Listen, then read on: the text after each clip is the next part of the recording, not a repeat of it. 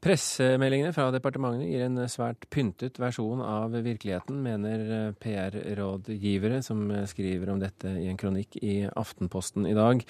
Kommunikasjonsapparatet har blitt eh, så stort at sannheten om politikken blir tilslørt, skriver de. Gunnar Angeltveit, strategileder i kommunikasjonsbyrået Renommé Communication. Hvorfor har dere skrevet, du og Jon Gangdal, hvorfor har dere skrevet denne kronikken i dag? Vi har skrevet den faktisk fordi Aftenposten kom og spurte oss om vi kunne se litt nærere på kommunikasjonen omkring tilleggsproposisjonen på statsbudsjettet. Eh, og så har vi jo begge bakgrunnen som rådgivere i lang tid, og fra både politi og departement. Og Det vi så, det var noe som forundra oss egentlig. At her hadde vi ei regjering som tidlig hadde demonstrert vilje til endring.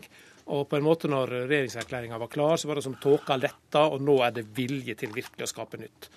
Og så klarer de da å produsere en serie med pressemeldinger som underkommuniserer de viktige endringene og legger vekt på utrolige detaljer. Men dette er jo Det tar jo litt tid å endre departementskulturen, gjør det ikke det? da? Det gjør det. Men, Noe mer enn noen uker? Men uh, vi hadde jo forventa at Fremskrittspartiet og Høyre, da, som har liksom glett seg til dette, benytte anledninga til å fleske til. F.eks. på Landbruksdepartementet sitt budsjett, der de snakker om skogsbilveier til 10 millioner og andre småposter, og helt til slutt sier at det, dessuten så blir budsjettet redusert med 100 millioner kroner. I stedet for å si at det, nå ser vi de første tegnene til en dramatisk omlegging av norsk landbrukspolitikk. Vi reduserer budsjettet med 100 millioner kroner som det første steget. Og Ole Berger, statssekretær i Finansdepartementet, som altså er ansvarlig for, eh, for statsbudsjettet. Prøver dere å pynte på brura? Nei, absolutt eh, ikke. Eh, vi føler at vi har kommunisert på en ærlig og god måte. Ja, Det er jo sant i og for seg, det som står der. Ja, hvis det er sant, og ikke nok med det, så, så har vi jo tatt noen tydelige grep i tilleggsproposisjonen også. Eh, det har jo ikke mangla på debatt rundt skatte- og avgiftsopplegget, hvor vi kutter skatter og avgifter med 8 milliarder kroner, eh, som er et betydelig retningsskifte. Som så må jeg jo få legge til at denne regjeringa har store ambisjoner, men å tro at man får gjennomført hele Sundvolden-plattformen på ja, to-tre uker som vi i realiteten hadde på å endre på budsjettet, det har vi selvfølgelig ikke klart. Men vi har tatt de første stegene i riktig retning. Eh, og det har vi kommunisert på en god måte. Og så men, har det ikke mangla på landbruksdebatt eh, etter at denne regjeringa overtok heller.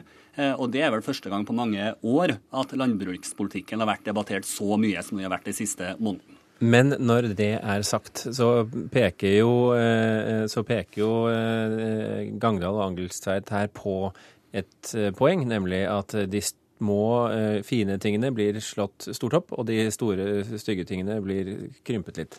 Nei. Kjenner du deg ikke igjen i det i det hele tatt? Nei, altså Der er det to ting å si om det. Eh, til det første. Eh, små beløp kan bety svært mye for svært mange. Eh, F.eks.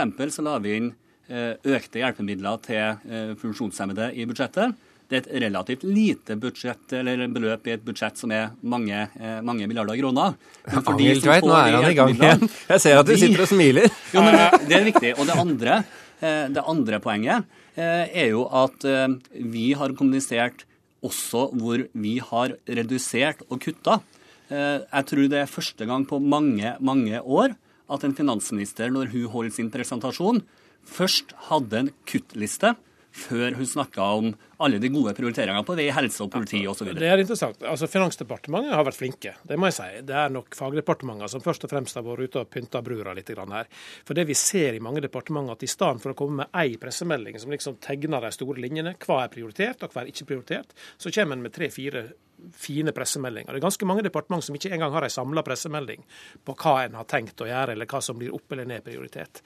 Og Det er det vi syns egentlig er underkommunikasjon. fordi vi, vi hadde, eller Regjeringa hadde her en mulighet til å være tydelig, også på fagdepartementssida, på hva en legger vekt på og hva en ikke legger vekt på. Så Fra et kommunikasjonsfaglig ståsted, uten å tenke politisk, så tenker vi at her hadde man en gyllen mulighet til å flagge vilje, politisk vilje, som en da ikke har brukt. Altså, Det er Finansdepartementet som har ansvaret for statsbudsjett og i dette tilfellet en tilleggsproposisjon. Eh, Finansdepartementet sendte ut en slik samla oversikt i en pressemelding. Eh, og I tillegg så la vi ut mye god informasjon på statsbudsjettet.no, hvor folk, hvor presse og alle sammen kan gå inn og klikke seg fram til de temaene de er interessert i. Så det er jo ikke noe pynting av en brudd. Dette er en nøktern og god framstilling av helheten.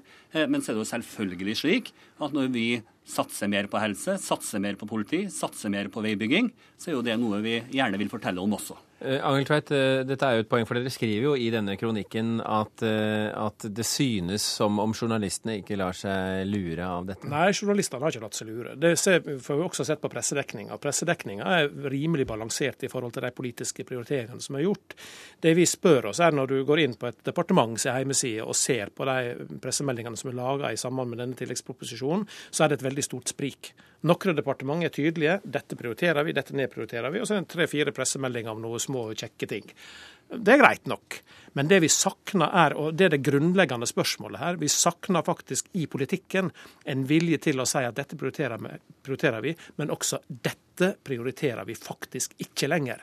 Og Det er dette mot og denne viljen som Frp har vært flinke til i opposisjon, som vi nå savner på en måte, at de, at de tar den helt ut og faktisk vise helt tydelig på hva vi ikke prioriterer. Vi, vi kan være enig i det, Ole Berge, at det er vel et eh, potensial der for forbedring?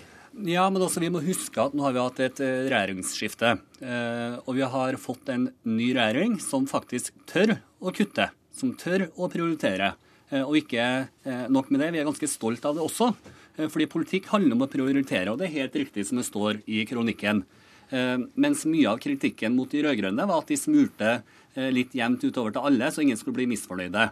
Eh, men vi tør å kutte, og som jeg sa tidligere, så prioriterte altså finansministeren å si hva hun kutta på først, til et samla pressekorps som gikk live mm. på TV. Før hun snakka om hva Men Nå snakker vi om departementenes nettsider og hvordan de kommuniserer, det enkelte departementet kommuniserer med publikum, ikke sant? Jo, men altså, når man legger fram et budsjett, og finansministeren holder et samla pressekorps eh, ved like ved å, å, fortelle om det budsjettet, og snakke om kuttene før hun snakker om hva hun styrker, eh, så blir jo ikke kritikken riktig om at man ikke har villet snakke om kuttene. Det er politikken, men det er ikke kommunikasjon. og Det vi ser på her, og som vi har analysert, er litt hvordan dette informasjonsapparatet rundt regjeringa kommuniserer og bruker dette. og Det er der vi føler at det er litt mye pynting og litt sånn nyspråk. F.eks. en ambisiøs videreføring. Herregud, noe som blir videreført, er ikke spesielt ambisiøst.